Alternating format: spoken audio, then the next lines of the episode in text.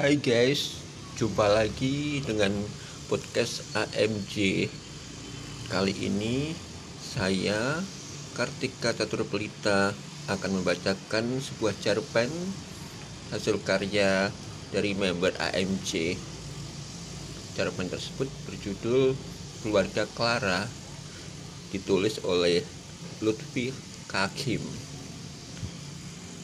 Cerpen keluarga Kara ini termaktub di dalam buku antologi AMJ yang berjudul 14 kali 2 mata pancing. Guys, selamat menikmati.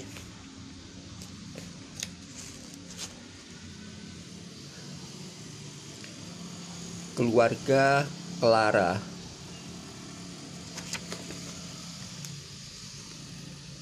Lukito tidak berpikir bahwa cerita yang Clara sampaikan padanya adalah benar adanya.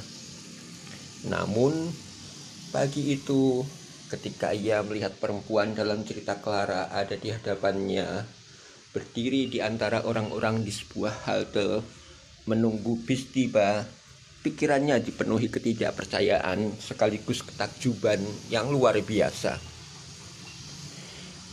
dari ingatan Lukito atas cerita Clara, perempuan itu berambut pendek, sebahu, dan menyukai warna abu-abu.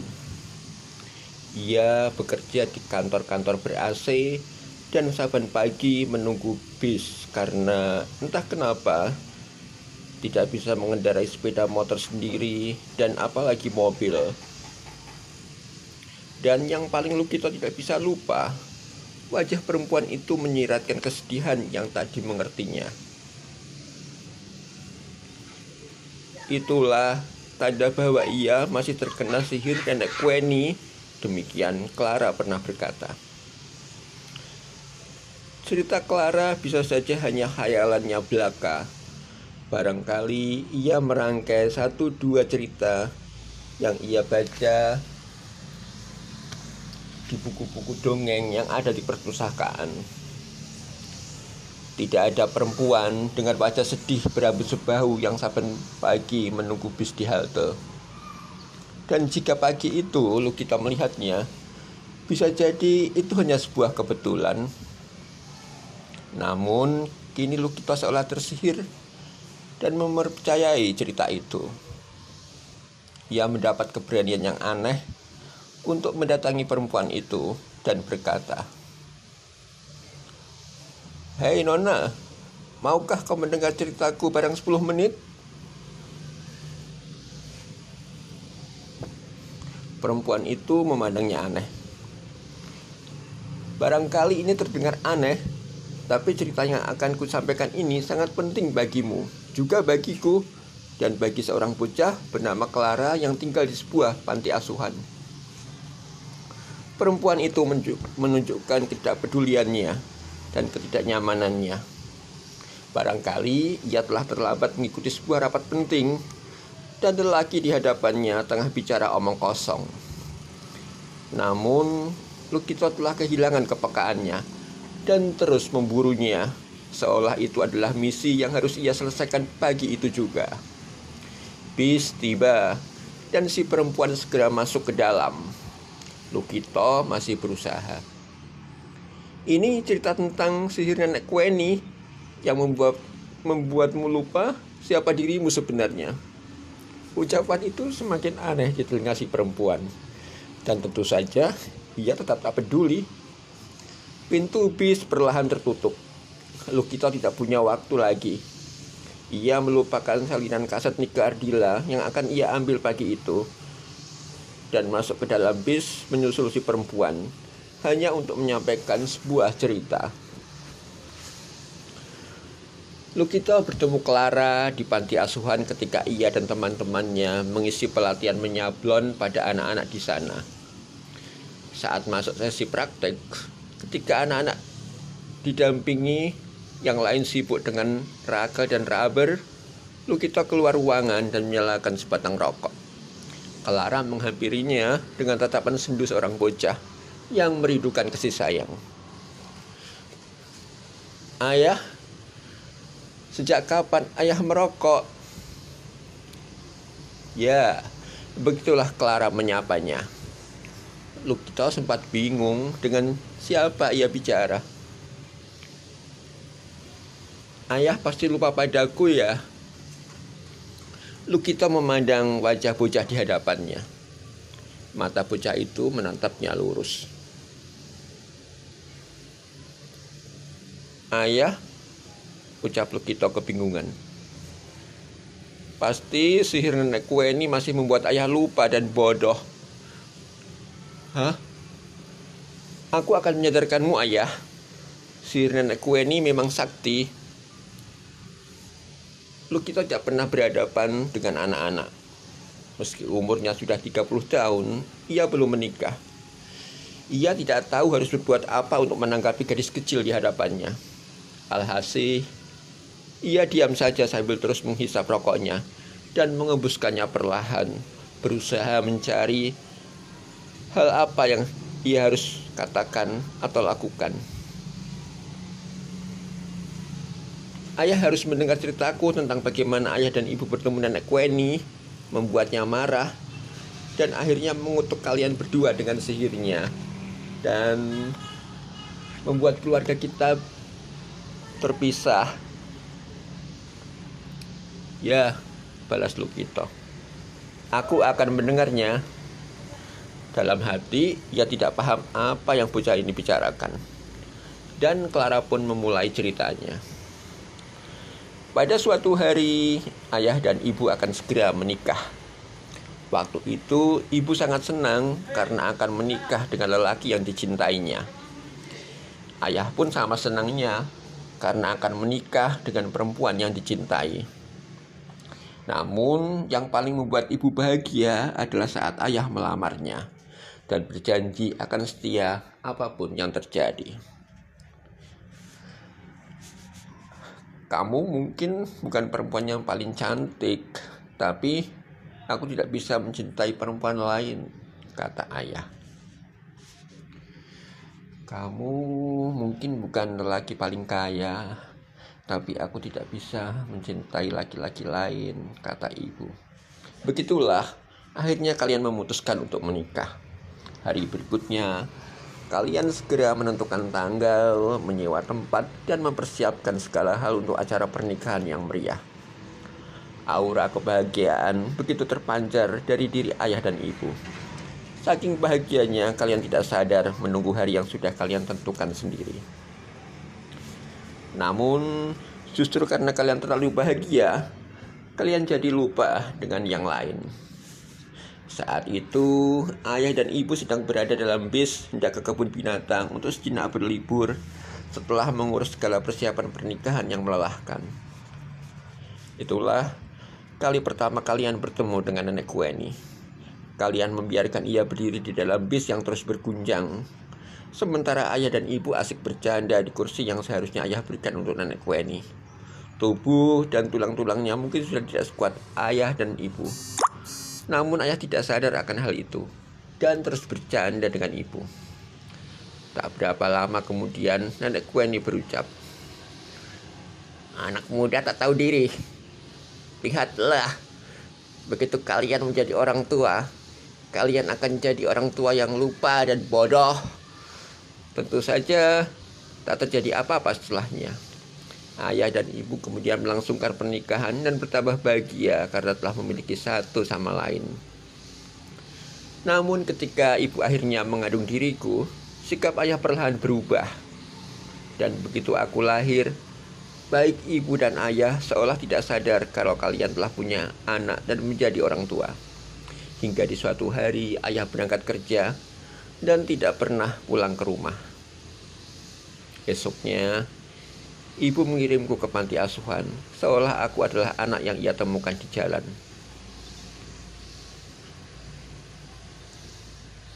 Itulah saat sihir nenek ini membuat kalian menjadi lupa dan bodoh. Setelah mengirimku ke panti asuhan, ibu tidak pernah kembali ke rumah atau menemuiku. Ia pergi melamar pekerjaan di sebuah perusahaan dan melupakan aku juga ayah. Meski begitu, di dalam dirinya muncul perasaan sedih yang ganjil.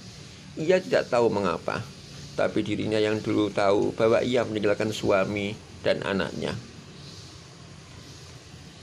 Sementara itu, ayah benar-benar tidak ketahuan ribanya.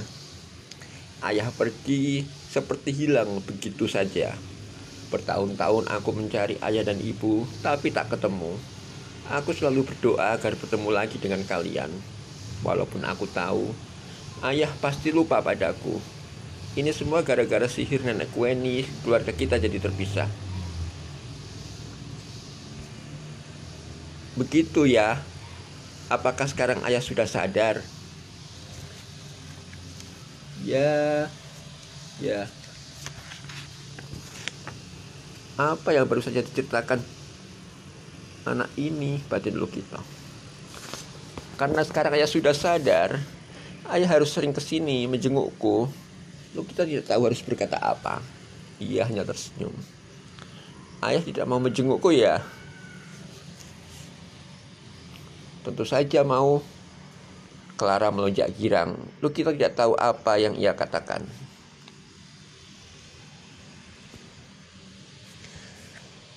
Setelah hari itu, Lukito sering mengajak menjenguk Clara.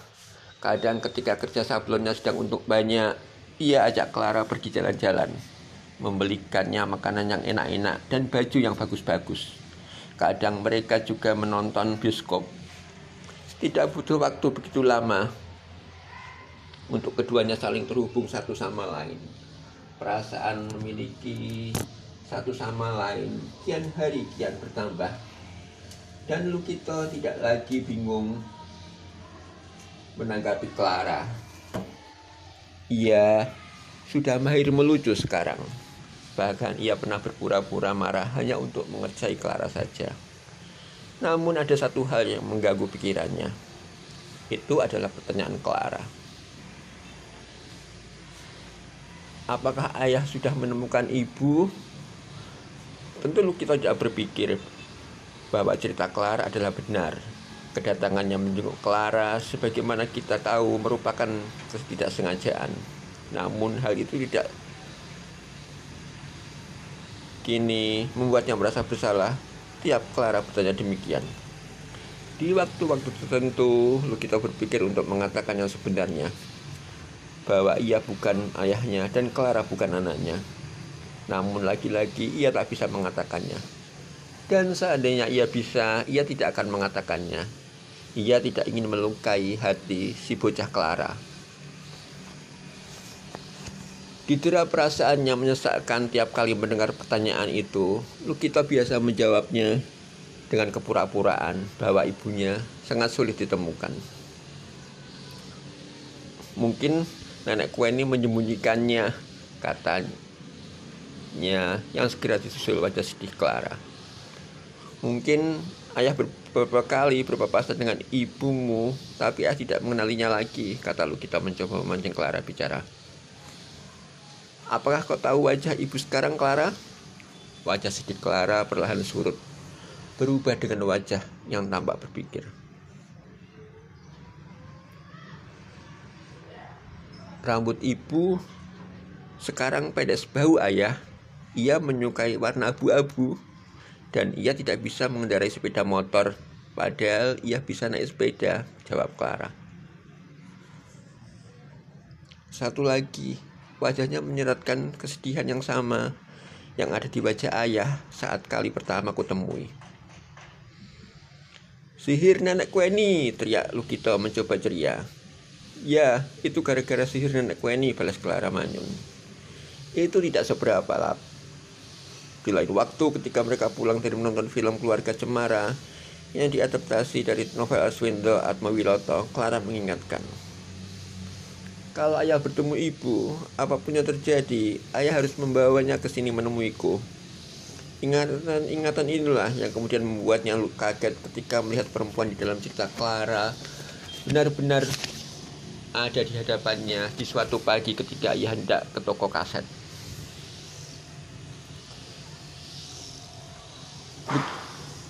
Begitu Lukito selesai bercerita, si perempuan tidak menunjukkan respon apa-apa. Wajahnya datar saja. Kondektur bis memberi pengumuman siapa yang hendak turun di halte depan. Si perempuan segera menuju pintu keluar. Merasa diabaikan, muncul perasaan marah di dalam hati Lukito. Ia menduga si perempuan menganggapnya penipu atau orang sinting. Saat bis berhenti, Lukito ikut keluar. Ia berjalan di belakang si perempuan seperti pencopet membutuhkan mangsanya. Apa yang kau lakukan, Bung? Kau pasti tidak percaya ceritaku, kan? Si perempuan diam, lalu melipat kedua tangannya di dada. Aku pun sama saat kali pertama Clara menceritakannya padaku. Si perempuan tanpa berpikir. Terima kasih kau telah menceritakannya padaku. Dan berkat ceritamu, aku terlambat masuk kantor. Aku bahkan melewatkan pemberhentianku hanya agar kau selesai bercerita. Aku harus menyeberang dan bis lagi dan menerima amarah dari atasanku. Jadi, mari sudahi hal ini. Oke? Si perempuan segera turun dari halte dan berdiri di tepi jalan. Ia tidak menoleh sekali ke arah Lukito. Lukito menghampiri. Satu pertanyaan, ucap Lukito. Si perempuan mengangguk tanpa menoleh. Apakah kau bisa mengendarai motor? Si perempuan menggelengkan kepala. Tapi kau bisa naik sepeda? Satu pertanyaan. Clara bilang padaku kalau kau tidak bisa mengendarai motor padahal kau bisa naik sepeda. Si perempuan merasa diledek dan kali ini menoleh menatap Lukito tajam. Clara yang bilang itu padamu? Lampu merah menyala, kendaraan berhenti, dan si perempuan segera menyeberang, meninggalkan Lukito lagi-lagi tanpa menoleh. Clara dan ceritanya benar-benar membuatku melakukan hal bodoh. Batin Lukito melihat si perempuan masuk ke dalam bis dan hilang ditelan lalu lalang kendaraan pagi itu.